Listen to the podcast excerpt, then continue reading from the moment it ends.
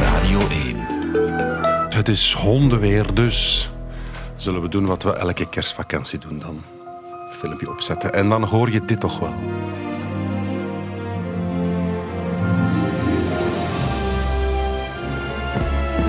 Je krijgt het er warm van. Met de kleinen op de zetel. En weet ik veel gaat het vandaag over Disney. Welkom, Robin Broos. Uh, dankjewel. Laten we het nog even, laten we het nog even. Oh. Krijg je het echt warm nu? Ik, ja, ik krijg het er warm van als ik die muziek hoor. En dan zo dat, dat, dat kasteel en die sterretjes daarboven. Ja, ik vind dat dit bij kerst hoort. Dat is Klopt mooi. dat? Ja, absoluut. Ik heb de laatste weken toch ook wel verrassend veel eh, Disney's opnieuw bekeken. Opnieuw bekeken, want Opnieuw je bent bekeken, ja. Disney-kenner. Je hebt er een boek over geschreven, je hebt een Ja. podcast. Klinkt een beetje griezelig, hè? maar ja, ik heb een podcast over Disney, Disney-klassiekers, waarvoor ik alle films chronologisch opnieuw heb bekeken en die telkens heb besproken met een gast. Hoe lang ben je daarmee bezig geweest? Dus, eh, Een jaar of drie nu, ja. Want ja. Is er een magic number? Hoeveel films zijn er al gemaakt door Disney ondertussen? Ja, De tekenfilms zijn er meer dan 60 bijvoorbeeld. En dan daarna ben ik opnieuw begonnen met de Pixar's en nu ben ik met de remakes bezig. Jesus. Oké, jij bent dus wel de perfecte persoon. Het is een uit de hand gelopen hobby, laten we het zo noemen. Jij bent wel de perfecte persoon om ons te gidsen op zijn weet ik veels door het universum Disney. En ik dacht, als we dan toch beginnen, of moeten beginnen, waarom niet met dit? Goedemiddag.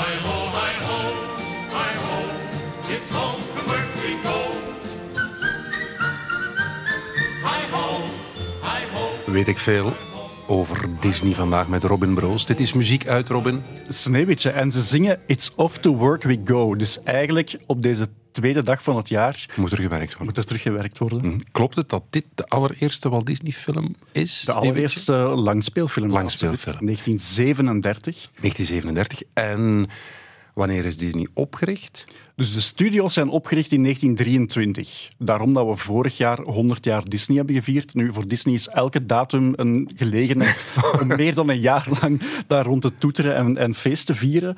Ehm, maar dus ja, het is nu de, het- dit is het 101ste jaar. Oké, eh, laten we beginnen bij het begin. Dit is muziek van Monsters Inc.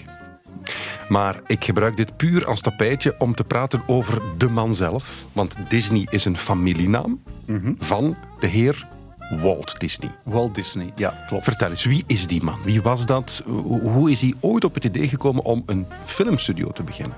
Wel, eh, Disney eh, was een kind van eh, ja, eigenlijk ni- niet al te rijke ouders. Zijn vader heeft verschillende jobs gehad, sukkelde veel met zijn gezondheid, waardoor hij vaak moest veranderen.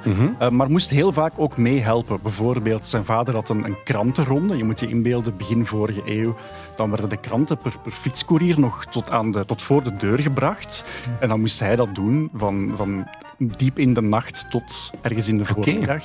eh, om de centen mee te verdienen. Ja, ja. Maar hij was heel creatief, hij tekende graag, maar dat mocht niet van zijn vader. Want hij dacht, ja, tekenen, daar ga je nooit geld mee verdienen. Had die het even mis? ja, zeg. Ja, wat hij dan gedaan heeft, is eh, gelogen over zijn leeftijd, zodat hij toch naar het front mocht gaan hier in Europa tijdens de Eerste Wereldoorlog. Niet als soldaat, maar wel als eh, ja, soort van hulpverlener bij het Rode Kruis. Dus hij loog over zijn leeftijd om Zodat hij Toch naar het- gaan. Ja, want hij wou gewoon weg van thuis. Oké. En hier in Europa is hij beginnen tekenen, en niet alleen voor soldaten bijvoorbeeld. Eh, ik zeg maar iets, zijn eh, collega wil een liefdesbrief naar zijn liefjes sturen eh, terug op het thuisfront. Dus dan tekende hij daar leuke dingen bij, maar hij tekende ook op de zeildoeken van de, van de wagens van het Rode Kruis enzovoort.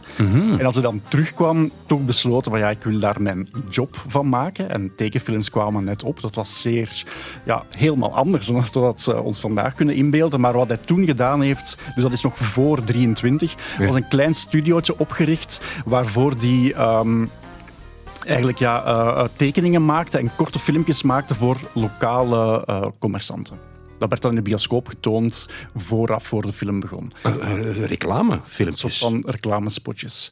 Ehm, en dat is heel snel over kop gegaan, omdat hij een heel slechte zakenman is. Kan je vandaag niet voorstellen, maar dat was wel zo. En uiteindelijk, en dat is dan een beetje ja, zo de American Dream, het verhaal dat we vandaag kennen. In 23 is hij met slechts één rugzak of met één ehm, reistas en met 20 dollar op zak naar Hollywood gegaan om het daar dan te maken, een eigen studio op te richten. Samen met zijn broer, wordt veelal vergeten in de geschiedenis, maar het was zijn broer Roy Disney die de zaken deed, die ervoor zorgde dat, eh, dat eh, het financiële plaatje klopte. En het was Walt Disney die zichzelf dan etaleerde als de grote creatief.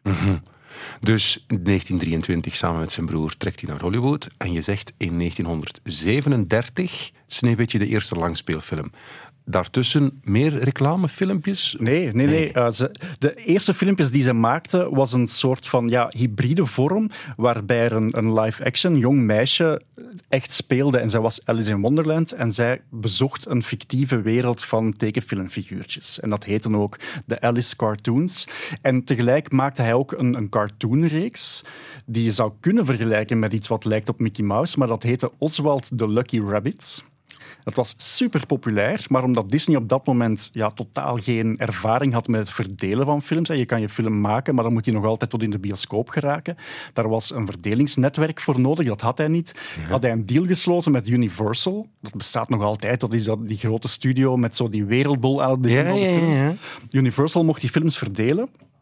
Maar die hadden in de kleine lettertjes van het contract laten opnemen dat Oswald voortaan eigendom was van Universal. En na een paar jaar zegt die baas van Universal, ja, die Disney is een beetje te duur voor ons. We gaan die filmpjes gewoon zelf maken. En Dus hij was van- zijn eigen creatie kwijt. Absoluut. En in plaats van dan in zak en as te gaan zitten, het zou gemakkelijk zijn, denkt hij, ik ga lik op stuk geven, ik ga gewoon een nieuw figuurtje verzinnen. Wat heeft hij gedaan?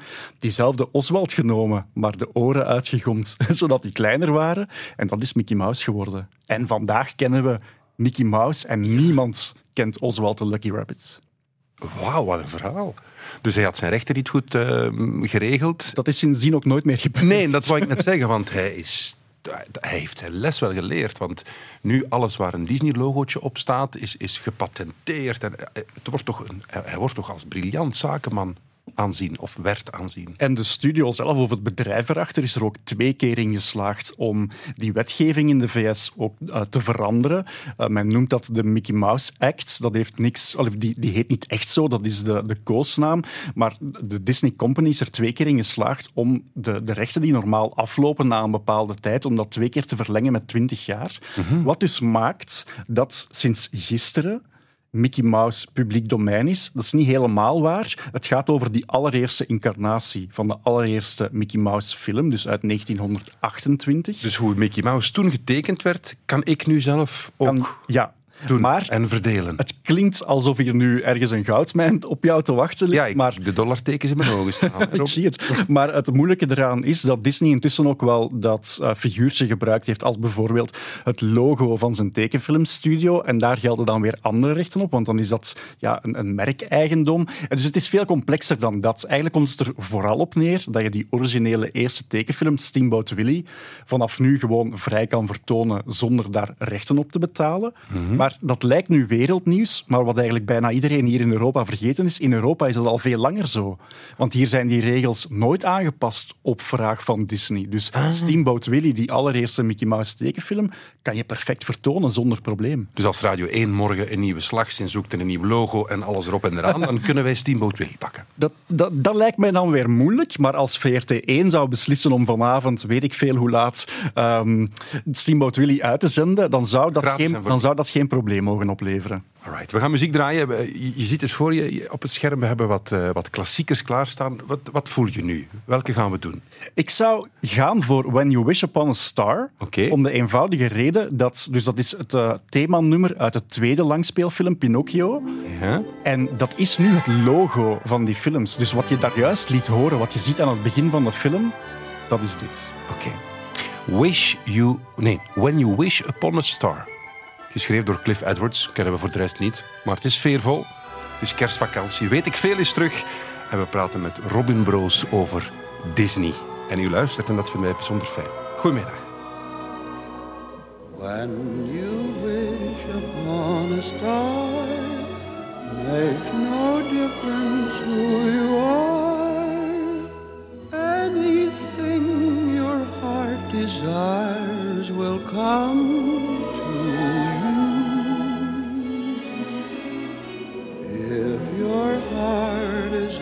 your dream,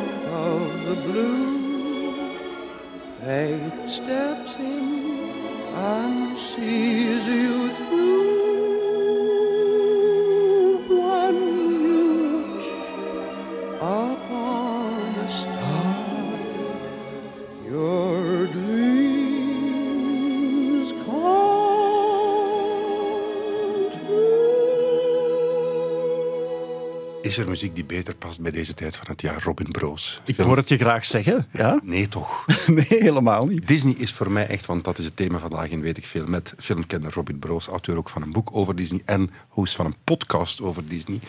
Ja, dit, dit hoort er toch bij. De kerstboom, het haardvuur en dan een film. Ik heb altijd schrik wanneer ik zo vraag om, om dit bijvoorbeeld ergens te laten horen, dat dat misschien oudbollig gaat klinken, maar eigenlijk, ja, je, je hoort wel dat het van lang geleden is, maar tegelijk heeft het ook meteen zoiets heel, ja, iets heel warm. Iets Ja, ja, ik denk omdat iedereen in zijn kindertijd... Want je zei, je zei het daarnet al, we hebben al geleerd, het bedrijf is opgericht 23. Iedereen heeft dus in zijn kindertijd die Disney-films. Dus dat is een soort algemene nostalgie voor alle generaties ondertussen. Dat is eigenlijk wel waanzin, inderdaad. En ook de manier waarop die films telkens opnieuw zijn uitgebracht, alsof het nieuwe films waren. Ook daar zit weer zo niet alleen dat creatieve, maar dat zakelijke genie achter dat bedrijf. Ja. Ze brachten hun films om de zeven jaar opnieuw in de bioscoop uit. Dus ik spreek nu over een, een, een pre-videocassette-tijdperk. Eh, vanaf dat de videocassettes er waren, dan werden die ook zogezegd gelimiteerd, werden die films uitgebracht om dan zeven jaar later opnieuw die uit te brengen. Hun redenering was, zeven jaar is exact één generatie. Ah, slim. En als je dan die films opnieuw uitbrengt, een nieuwe generatie gaat denken, amai, The Jungle Book of Pinocchio, dat is een film die ik gezien heb toen ik klein was. En onze ouders denken dat ook. En zelfs mijn grootouders denken Tuurlijk. dat. Dus dat is, dat is waanzin. doet mij ook een beetje denken aan, aan Oya Lele, het nummer van K3. Dat is ook iets wat al verschillende generaties ondertussen meegaat. En elke keer opnieuw kan je een nieuw publiek aanboren. Hè? Inderdaad, en, en waar zij dan ook zeer goed in slagen, is door die, die drie meisjes constant opnieuw te hercasten. Ja, ja, je voilà. merk wel in leven laten. Ja. Dus is Studio 100 schatplichtig aan Disney? Op- Sowieso, Ja? sowieso. Ik denk dat heel de entertainmentindustrie daar veel van geleerd heeft, de manier hoe dat je daarmee moet omgaan. Mhm. Om nu Gert Verhulst de Vlaamse Walt Disney te noemen, dat ga ik niet zeggen op antenne. Nochtans, Walt Disney, en dat wist ik niet, we, we, Ja. we luisteren. In those early days, Walt Disney himself was the voice of Mickey Mouse. Now he's a tycoon at the center of a vast business empire. Mr. Disney, can you still make a noise like Mickey Mouse? Well, yes, uh huh. But uh, of course, I don't make many Mickey uh, Mickey Mice films. Can you make that noise for us now? well, uh, Mickey used to talk something like this, you know, kind of a falsetto. Of course, he's an old mouse now, and the falsetto getting a little old.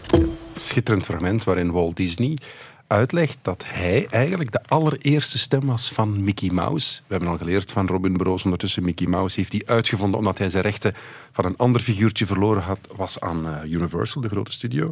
En hij sprak het zelf in. Ja, dat heeft hij lang gedaan, tot ergens midden jaren 50. Dus van 28 tot midden jaren 50 deed hij het zelf. Dan heeft hij het zogezegd overgelaten omdat hij te veel eh, werk had met andere dingen, zoals pretparken uitbaten. Maar de echte reden is natuurlijk, hij was een zodanige verstokte kettingroker dat hij niet meer aan die hoge tonen kon. en hij is dan ook een jaar of tien later overleden aan longkanker. Dus op zich, ja, op dat moment had men geen idee. En, en roken was ook nog zeer bon ton. Maar ja, de, de vader van Mickey Mouse was de stem van Mickey Mouse, maar is wel ten onder gegaan aan zijn verslaving. Ja, als ik mijn ogen sluit en aan Walt Disney denk, dan denk ik een man met een fijn snorretje. Klopt dat? Ja, absoluut. En altijd inderdaad die sigaret in zijn hand. Ja, en het heel grappige daaraan is, eh, in het originele Disneyland, dus in Californië, eh, hangen heel veel foto's van Walt Disney op in restaurants, in, in bepaalde ruimtes. En omdat op een bepaald moment Disney besloten heeft van geen tabaksproducten meer aan te prijzen, dus sindsdien is dat ook volledig gebannen uit films. En als er films op Disney Plus staan waarin gerookt wordt, krijg je een pancarte vooraf. Maar dat konden ze natuurlijk moeilijk doen in Disneyland. Op al die foto's staat Walt Disney met een sigaret. Wat hebben ze gedaan? Ze hebben die sigaret weggefotoshopt. Je ziet het bijna niet. Behalve is het nu ineens heel raar dat hij daar telkens met twee vingers in de lucht staat. Vrij obscene toch ook. En dat is nu zo'n running joke onder de castmembers. Dat zijn mensen die werken voor Disneyparken om als ze poseren ook met twee vingers in de lucht dat te doen, zoals Walt Disney. Maar dan zonder sigaret. Jongens toch. Maar we moeten wel toegeven, het is een fenomenaal succes geworden. Hebben we een idee van de waarde van dat bedrijf? Dat, dat- is moeilijk in te schatten, omdat die vandaag gewoon alles opgekocht hebben in de VS. Dus je moet je inbeelden, Disney was, eh, is begonnen als een tekenfilmstudio. Begon dan ook ander soort films te maken. eh, documentaires, langspeelfilms of eh, live-action films. Eh, zijn dan in de jaren 50 begonnen met het uitbaten van pretparken. Vandaag hebben die ook televisiezenders. Hebben zij Fox gekocht, hebben zij Marvel gekocht, hebben ze Star Wars gekocht. Ehm, ja, al die dingen samen maakt het dat een gigantische onderneming is in de VS. En dat zij de laatste jaren ook wel serieus de, de klappen voelen van de crisis van eh, corona. En dit, dit kan op deze manier niet blijven duren. Maar dus op dit moment zo Iron Man en, en eh, The Avengers, dat is ook allemaal Disney ondertussen. Allemaal Disney. Ja. Ja, wat een imperium zeg. En ik laat mij vertellen dat ze ooit tijdens de Tweede Wereldoorlog, neem ik aan dan, propaganda Ja. filmpjes of opnames hebben zeker, gemaakt. Zeker. Dus we spreken, ja, dus de jaren 40 was eh, het moment dat net die eerste Sneeuwwitje was uitgekomen. Die is van 37. En dat was een nieuwe markt. Niemand geloofde Disney dat mensen zouden een, allee, betalen voor een bioscoopticket om een uur, anderhalf uur naar een tekenfilm te kijken. Dat, dat leek in de ogen van de mensen waanzin. Maar dat wordt dan toch een succes, waarop er natuurlijk ook een vervolg moet gemaakt worden. En die tweede film, Pinocchio, is klaar in 1940. Maar door de oorlog geraakt die niet over zee. Die is alleen vertoond geweest in de VS, omdat die niet kon geëxporteerd worden. En dus ja, Disney zat plots een gigantische put, want alles wat hij verdiend had met Sneeuwwitje had hij geïnvesteerd in een nieuwe studio en in die nieuwe film. Maar er moest wel geld binnenkomen. Dus heeft hij onder meer ehm, de diensten bewezen aan Amerikaans leger, onder andere om propagandavideo's te maken. Een heel aantal daarvan zijn intussen ook publiek domein geworden, dus je kan die bekijken online. Er is een, een hallucinant filmpje van Minnie Mouse die aan het koken is. Ze is spek aan het bakken en ze wil het, eh, het vet van dat spek geven aan de hond Pluto. En plots hoor je een stem uit de hemel, de vertelstem, die zegt van nee, gooi je eh, afvalvet niet zomaar weg. Je moet het doneren aan het Amerikaanse leger, want dat eh, kan gebruikt worden bij het afvuren van bommen. Robin, dat klinkt zo. Housewives of America, one of the most important things you can do is to save your waste kitchen fats. Bacon grease, meat drippings, frying fats. We and our allies need millions of pounds of fats to help win the war. Weet ik veel? For fats make glycerin, and glycerin makes explosives. A skillet of bacon grease is a little munitions factory. Meat drippings sink Axis warships.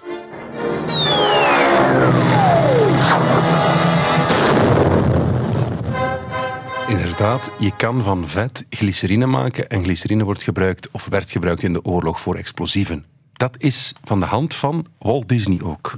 Dat is echt hallucinant. Waanzin. Dus een, eh, drie, vier minuten lang word je eigenlijk gebrainwashed om niet alleen ja, ehm, je vet in te zamelen, maar dus om je daardoor ook patriotisch in te zetten voor je land. En je moet dat dan afgeven bij de lokale beenhouwer die patriotisch meewerkt. Je kan dat zien aan de sticker die aan de deur hangt. En dus op een bepaald moment zie je dan Pluto die ehm, met zijn oren eigenlijk het vet afwijst en zegt nee, nee, ik, ik hoef niks meer te hebben. En dan doet hij een soort van saluut met zijn oren naar Mickey Mouse die in een portret aan de muur hangt en die staat daar als soldaat afgebeeld.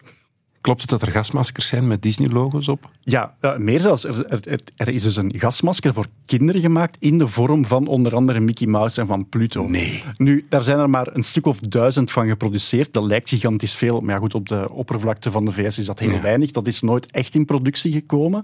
Maar daar, daar, daar zijn dus effectief prototypes van gemaakt. Als je die vindt vandaag, tweedehands, dan ben je echt ettelijke duizenden euro's kwijt. Een gasmasker in de vorm van Mickey Mouse. Iemand vond dat blijkbaar een goed idee. Muziek. Zullen we, wat gaan we doen? Louis Armstrong? Louis Armstrong? Ja? Ja, graag. Zeker? Komt-ie.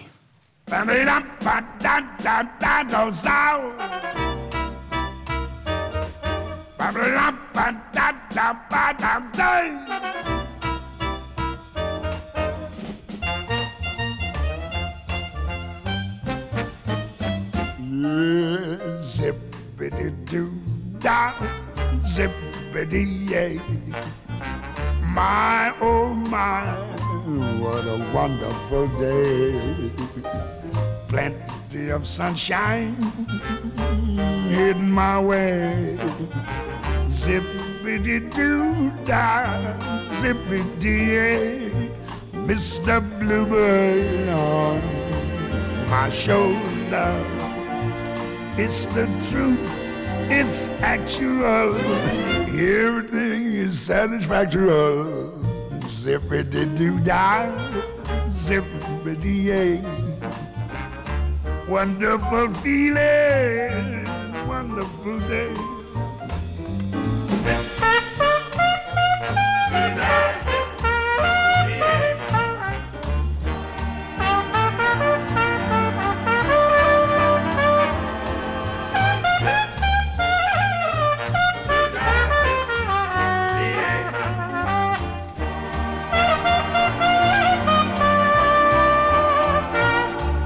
Mr. Bluebird on my shoulder. It's the truth, it's actual. Just listen to old Satchmo there. I say, biddy doo da, zip dee Wonderful feeling, wonderful day,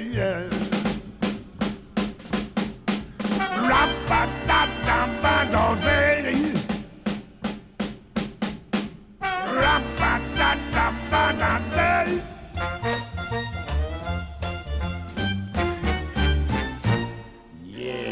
Je luistert naar Radio 1. Het is eh, kerstvakantie, dus is weet ik veel op het appel met Robin Broos vandaag, filmkenner en host van de, een podcast over Disney, ook auteur van een boek over Disney. Dus het gaat in weet ik veel over Disney. Juist. Eh, het nummer van Louis Armstrong dat we net gehoord hebben, Zippity-Doo-Dah, komt ook uit een Disney-film. Ja, klopt. Het komt uit de film Song of the South, een film uit de jaren 40. Het is een hybride film, een beetje zoals eh, Mary Poppins. Dus het is een live-action film waar af en toe ook getekende figuurtjes in komen. Gebaseerd op een, eh, een, een boek over een, een zwarte man in het zuiden van Amerika die verhalen vertelt aan eh, kinderen uit de buurt. En het speelt zich af net na het afschaffen van de slavernij. Nu, het probleem met die film is dat dat niet gekaderd wordt en dat je heel veel gekleurde mensen op het veld ziet werken. Die zijn daar liedjes aan het zingen, die hebben daar de tijd van hun leven. Dat komt heel verkeerd over. Dat lijkt een beetje alsof dat de slavernij plezant was. Waardoor dat die film redelijk snel al eh, in discrediet is gekomen omwille van ja, het foute idee dat hij daarmee ophangt. En vandaag kan je die film ook nergens meer legaal bekijken. Dus dat is een van de weinige films die Disney Plus nooit gehaald heeft. Die op één video-uitgave na nooit gereleased is als eh, op videocassetten of op dvd. Dus eh, ja, dat is echt een probleemfilm. Dat, dat wisten ze eigenlijk toen ook al. Maar een jaar of ja, twintig later wordt Louis Armstrong gevraagd: wil jij een album opnemen met Disney-nummers? Kiest hij toch wel een nummer uit die verguisde film. Dus op zich zit daar ergens ook wel een soort van vermoeilijking in. Of, of ja, hij, hij kende Walt Disney ook heel erg goed. Hij werd elk jaar gevraagd op een soort van jazzfestival in Disneyland door Walt Disney zelf om daar te komen optreden.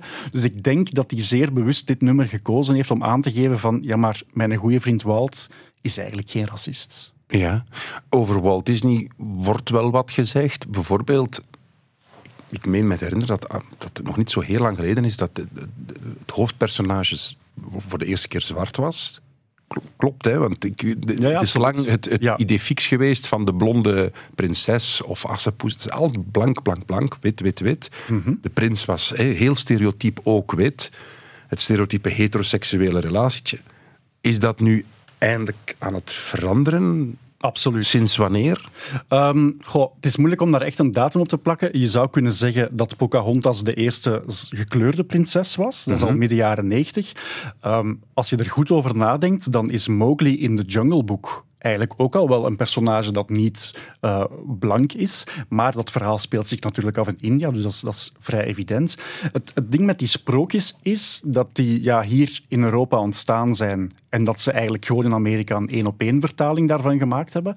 En het is de eerste keer met The Princess and the Frog, ergens eind jaren 2000, dat ze bewust gekozen hebben om het narratief van de kikkerprins te vertalen naar New Orleans met een gekleurde prinses. Dus daar is het voor het eerst bewust gebeurd. En sindsdien eh, worden prinsessen niet alleen in een interessantere rol gestoken. Ze zitten niet meer op een steen te wachten liedjes te zingen totdat er een prins voorbij komt. Maar nemen zij, allee, doen zij ook gewoon van alles. Eh, ze- ja, ze zijn het, het hoofd van hun eigen verhaal. En meer zelfs, er zijn tegenwoordig heel veel Disney-films waar, waar meisjes gewoon niet meer verliefd worden. Dus dat is absoluut een kentering geweest in de laatste 15 jaar.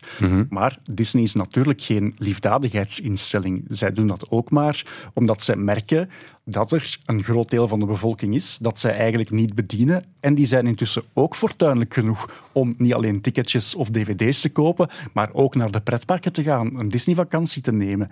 En als zij zich niet herkennen in de films die zij aanbieden of in de narratieven die zij vertellen, ja, dan, dan moet er geshift worden. Mooi voorbeeld ervan. Ik denk dat het in 2023 was. Vorig jaar, dus moeten we ondertussen zeggen. Deze film kwam opnieuw uit.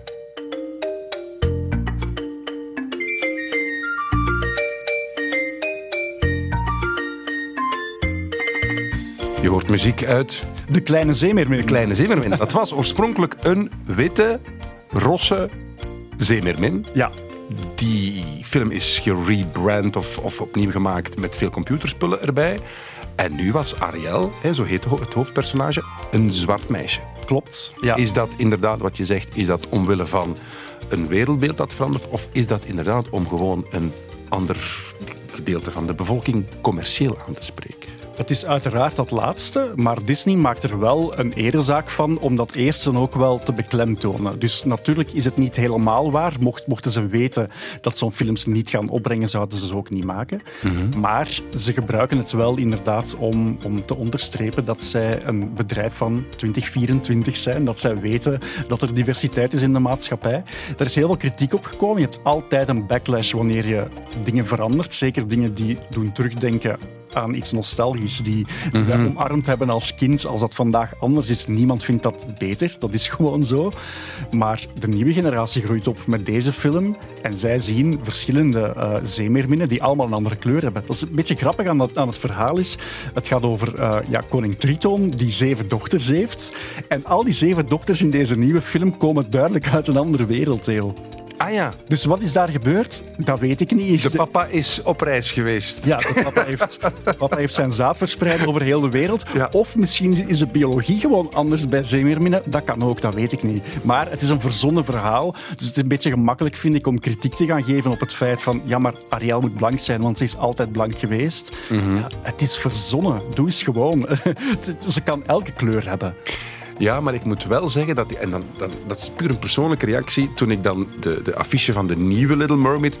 Ik vond het er wel zo heel dik op liggen. Ja. Dan denk ik, verzin gewoon een nieuw verhaal met een heel sterke lied. Dat is Met- voor een ja. zwart meisje. is- Waarom, waarom zou je dan het oude spul gaan recycleren? Ja. Nee, verzin gewoon zo, de discussie over... Ja, er moet nu een vrouwelijke James Bond komen. Waarom? Creëer gewoon een heel sterk vrouwelijk actiepersonage. Waarom Ja. moet je het gaan vervrouwelijken of gaan verzwarten? Ja, terechte kritiek, denk ik. Het, probleem met nieuwe verhalen is, daar heeft Hollywood eh, altijd wat schrik voor, want je weet niet op voorhand of dat gaat werken. Ja. Terwijl bij dit weet je zeker dat mensen die de film vroeger gezien hebben, het nu gaan willen zien, gewoon maar uit curiositeit. En een nieuwe generatie gaat het ook willen zien, want het is een nieuwe Disney-film. Dus eigenlijk het risico wordt daarmee beperkt en je weet dat je uit de kosten gaat geraken als je dat, als je dat op poten zet. En als je terug gewoon een één-op-één eh, verfilming maakt van het origineel, met alleen maar witte meisjes, dan gaat daar weer kritiek op komen. Dus het is zo wat een visieuze cirkel. Mag ik het ook wat bloedarmoede vinden? Absoluut. Dat je altijd diezelfde verhalen gaat recycleren. Dat maakt eigenlijk dat die remakes vandaag, ja, naar mijn gevoel, allemaal compromissenfilms zijn geworden. Er worden zoveel mogelijk vakjes afgevinkt. Er worden ook wel, dit mag ook wel gezegd worden, er worden ook wel fouten daardoor rechtgezet. Er zijn wel tot diep in de jaren negentig fouten gemaakt eh, qua, eh, qua beeld, qua stereotypering. Dus die dingen kan je rechtzetten. Dat is, dat is een, een prettige bijkomstigheid, maar het is nergens voor nodig. Want even terug in de geschiedenis. Hè. Die Walt Disney verzon die zelf verhalen? Of was zij gewoon heel slim om te gaan stelen bij de sprookjes die al leefden? Ja, absoluut. Hè. Het zijn bestaande verhalen die verfilmd Ah, het zijn allemaal bestaande verhalen. De langspeelfilms zijn quasi allemaal bestaande verhalen. Hij waarvan was men- geen creatief, hij was een goede tekenaar, maar hij was geen Hij verhalenverteller. was misschien zelfs niet de beste tekenaar. Maar, en dat maakt hem zo het genie in dat bedrijf. Hij weet dat hij niks weet van cijfers, dus daar is zijn broer. Hij weet dat hij niet de beste tekenaar is, dus pakt hij zijn beste vrienden die, al, die hij al lang kent van op de tekenschool en die mogen de filmpjes maken. En hij is ja, de, de man die naar voren komt, de man die wij kennen. Hij is het merk. Ja, slim. Ja, hij had bijvoorbeeld televisieprogramma's waar hij gewoon zelf als host van het tv-programma elke week de kinderen toesprak. In de VS was hij oom Walt. Een beetje zoals wij een onkel Bob hadden, had je daar Uncle Walt. En iedereen beschouwde hem als een soort van eh, extra lid van de familie. Maar daardoor was je ook niet verbaasd als er iets open ging als Disneyland. Ja, je wou daar zijn, want het was het park van Oom Walt. En je kende ook al die films en je kende al die cartoons die elke week op tv kwamen. Dus die was toen al bezig met het bouwen van een, een soort van franchise, van een universum. Nu, je het zegt, zo'n Bobby Aanland was, is ook opgehangen aan die persoon van Bobby Aan. We hebben het daarnet al even over Gert Verhulst als de, de Vlaamse tussen aanhalingstekens, aanhalingstekens Walt Disney. Ja, die speelde ook in Samson en Gert natuurlijk. Dus Walt Disney was ook daarin een, een pionier. Ja, absoluut. En hij wist ook wel dat om dat groot te maken, dat je dat merk eigenlijk constant moest versterken. Vandaag zijn er kinderen die niet weten dat de naam Disney komt van een persoon. Omdat Disney echt een synoniem geworden is voor een bepaald gevoel, voor een bepaald genre van, van verhalen, voor pretparken. Um, en dat is misschien wel het, het, eh, het slimme van die Gert Verhulst geweest, van bijvoorbeeld zijn parken niet te noemen naar zichzelf. Dat zou, naar mijn gevoel, hier minder goed werken. Ja, en dit is dus Plopsa geworden in het geval Ja, van stel je voor, zo'n Verhulstjesland.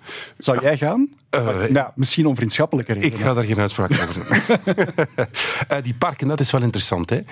Ehm, wanneer is zo het eerste Disneyland of Disney World? Je hebt, je hebt Disneyland, ja. Disneyland is het eerste. Ja, en ook het enige dat Walt Disney zelf bezocht heeft, want hij is overleden voor eh, eigenlijk nog maar gebouwd is aan het tweede. Dus in 1955 gaat Disneyland open in Anaheim. Dat ligt op een dertigtal... 55 al. Ja, ja, Oké, ja. een dertigtal kilometer van, ehm, van Los Angeles. Het, het grappige voor mijn boek heb ik uitgezocht eh, of Disney zich geïnspireerd heeft op bestaande parken in Europa. Want het concept themaparken bestond hier al, daar veel minder. Daar had je zo van die permanente kermissen, maar dat is toch nog iets anders.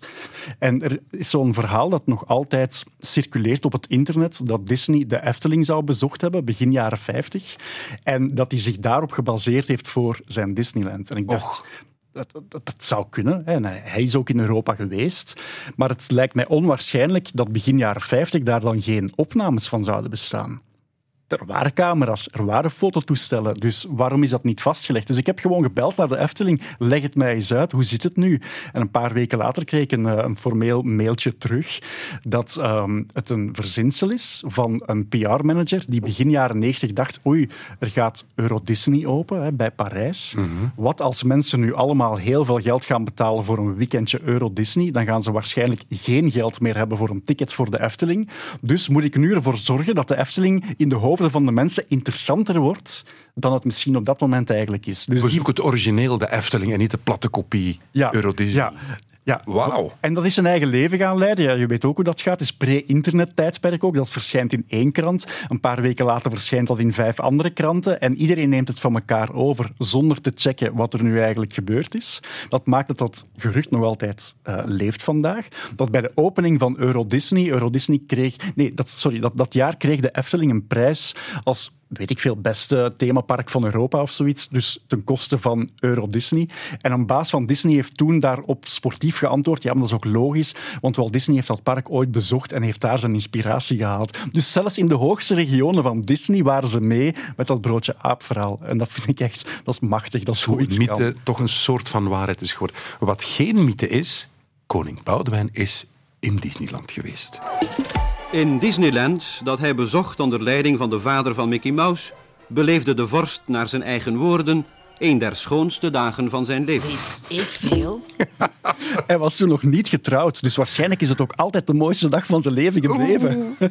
Wat, wat, wat ging koning Boudewijn in Disneyland doen? Hij was er op uitnodiging van Walt Disney zelf. Namelijk eh, in 1958 met de Expo hier in Brussel was eh, Walt Disney al in Europa, of in Brussel geweest. Want wat wij vandaag kennen als het Amerikaans theater, waar al die geweldige tv-shows van onze jeugd ja, ja, zijn ja. opgenomen, de Droomfabriek, dat was eigenlijk een restant van Expo 58. Dat was echt het Amerikaans paviljoen. En als je dat bezocht toen, dan eh, daar was een soort van attractie ingebouwd. En dat was een 360 graden film. Dat was vrij revolutionair voor die tijd. Dus zo'n film in een ronde zaal met langs alle kanten een scherm. En dat waren beelden gefilmd over Amerika. En het was een productie van ene Walt Disney. Die heel slim toen al dacht, als ik dat nu maak op kosten van de Amerikaanse overheid voor dat paviljoen in Brussel, kan ik het het jaar nadien gewoon verhuizen naar mijn eigen pretpark in Anaheim en dan heb ik gewoon een gratis attractie. Slim. En dus op basis daarvan is hij hier in Europa geweest om dat uiteraard te komen bekijken. Eh, heeft hij eh, onze koning, toenmalige koning, koning Boudewijn, daar rondgeleid. En hem eigenlijk op zijn beurt uitgenodigd, als je ooit eens in de buurt bent, kom alsjeblieft Spring eens binnen. Disneyland bezoeken. En het grappigste daaraan is... Ja, Disney was altijd heel trots op nieuwe attracties, nieuwe eh, revolutionaire uitvindingen.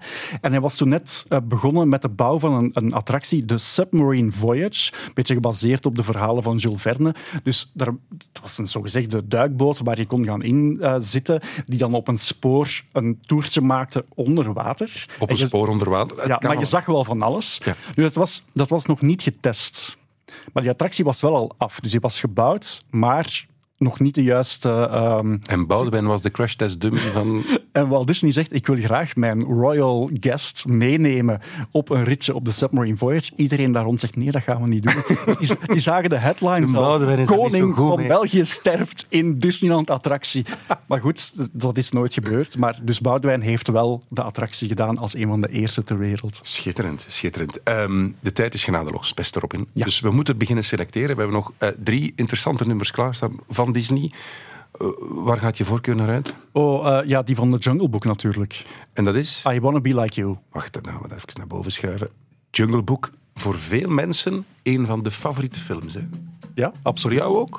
Eh, mijn moeder was daar grote fan van, dus ik heb die heel veel gezien. Ja. Je hebt er ook ondertussen weer zo'n live-action versie van, een remake. Maar dit is dus van het origineel. Hè? Klopt. Ja, het wordt wel opnieuw gezongen in de nieuwe versie.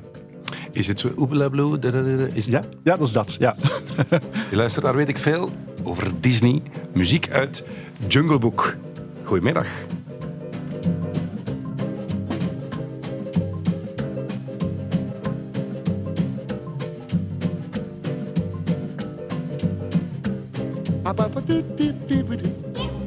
Now I'm the king of the swingers, oh, the jungle VIP. I've reached the top and had to stop, and that's what's bothering me. I wanna be a man, man cub, and stroll right into town and be just like the other men. I'm tired of walking around. Oh, ooby doo. I wanna be like you. Hop de ooby doo, I wanna walk like you, talk like you. Choo. You'll see it's true. And ape like me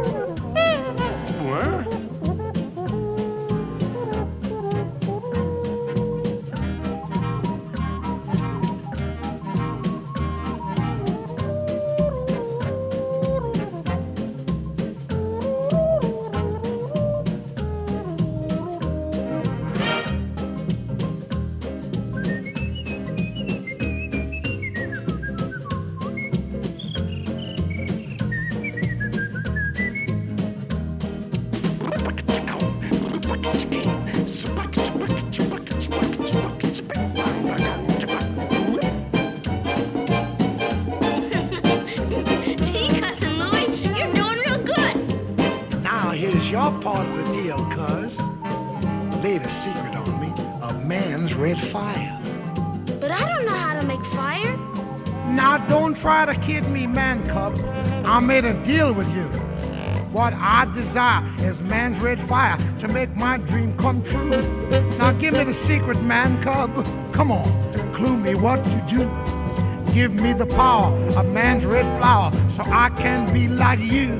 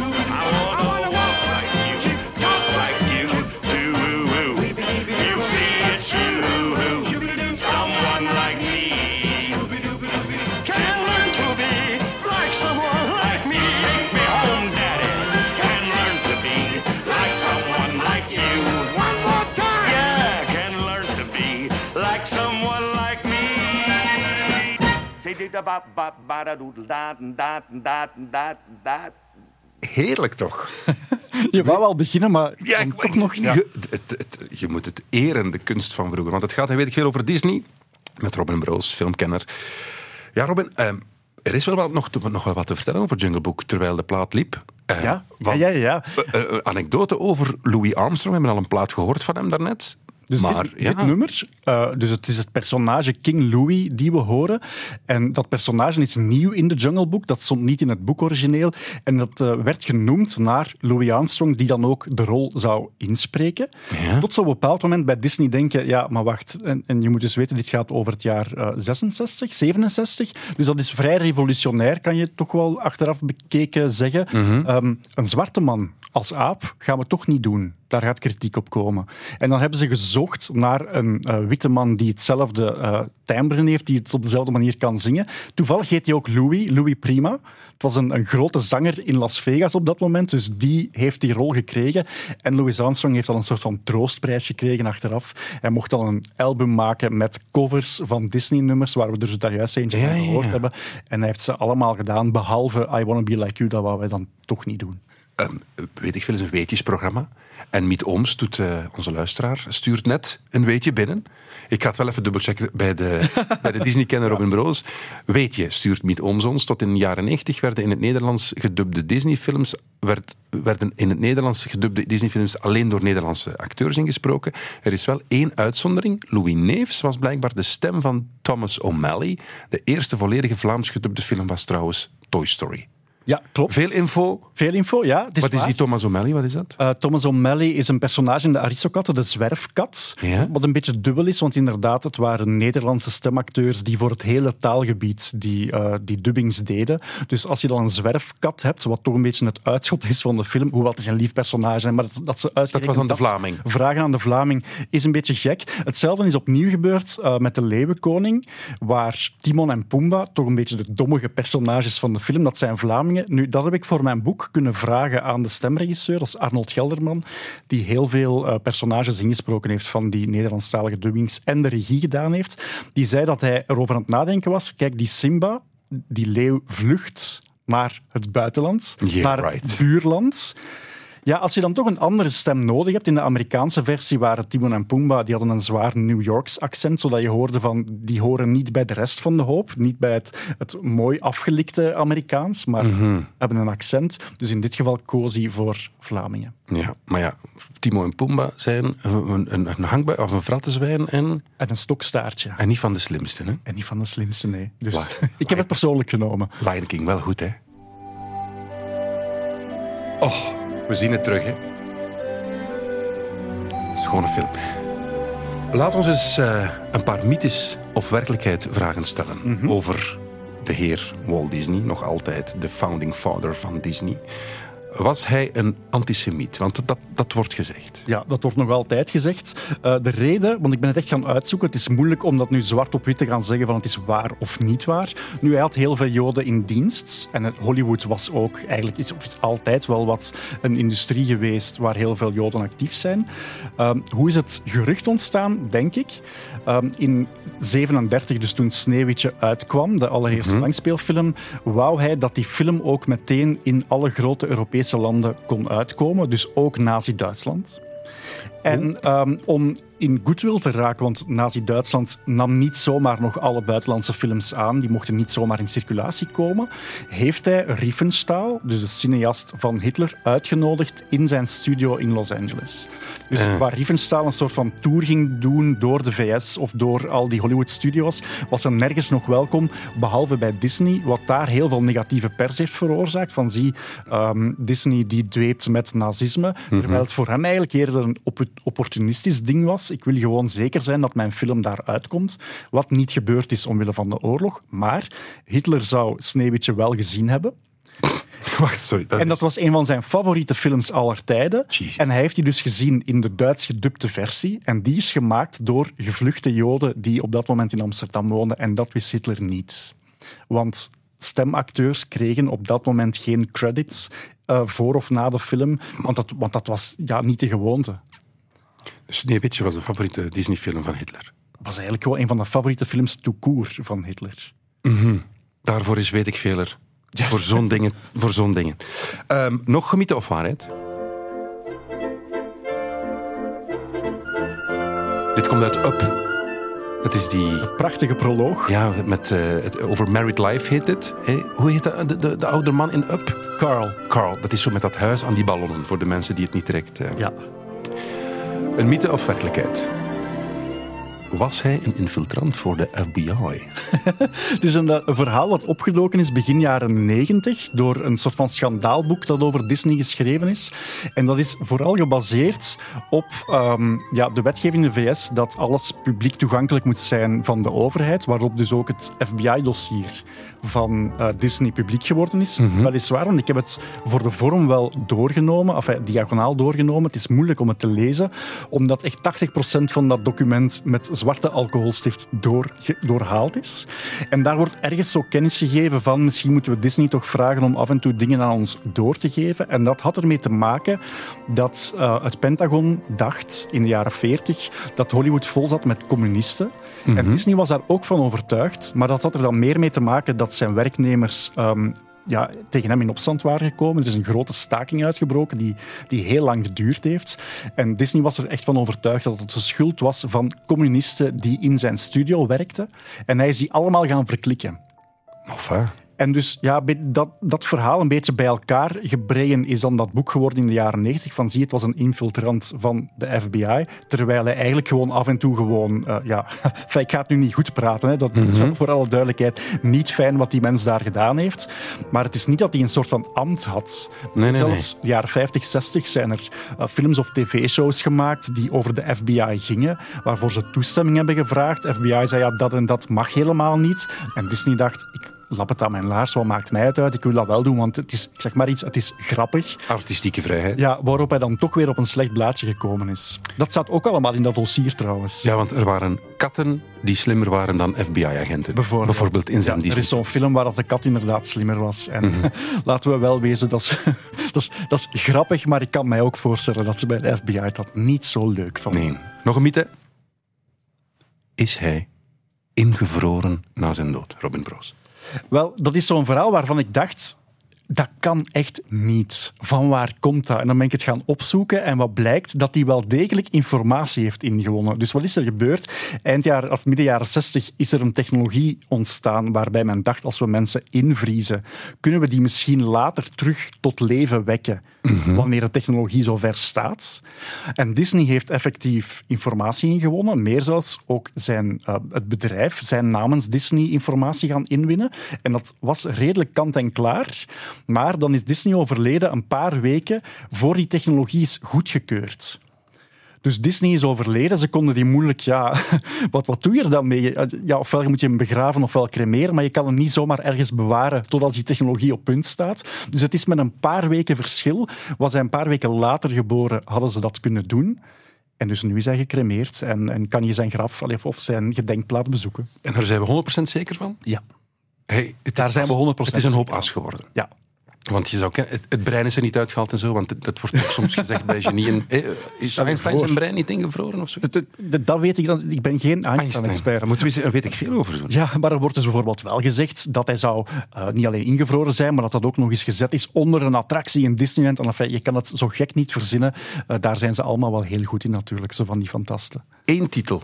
Welke Disney-film zetten we vanmiddag op tijdens dit verschrikkelijk slecht weer?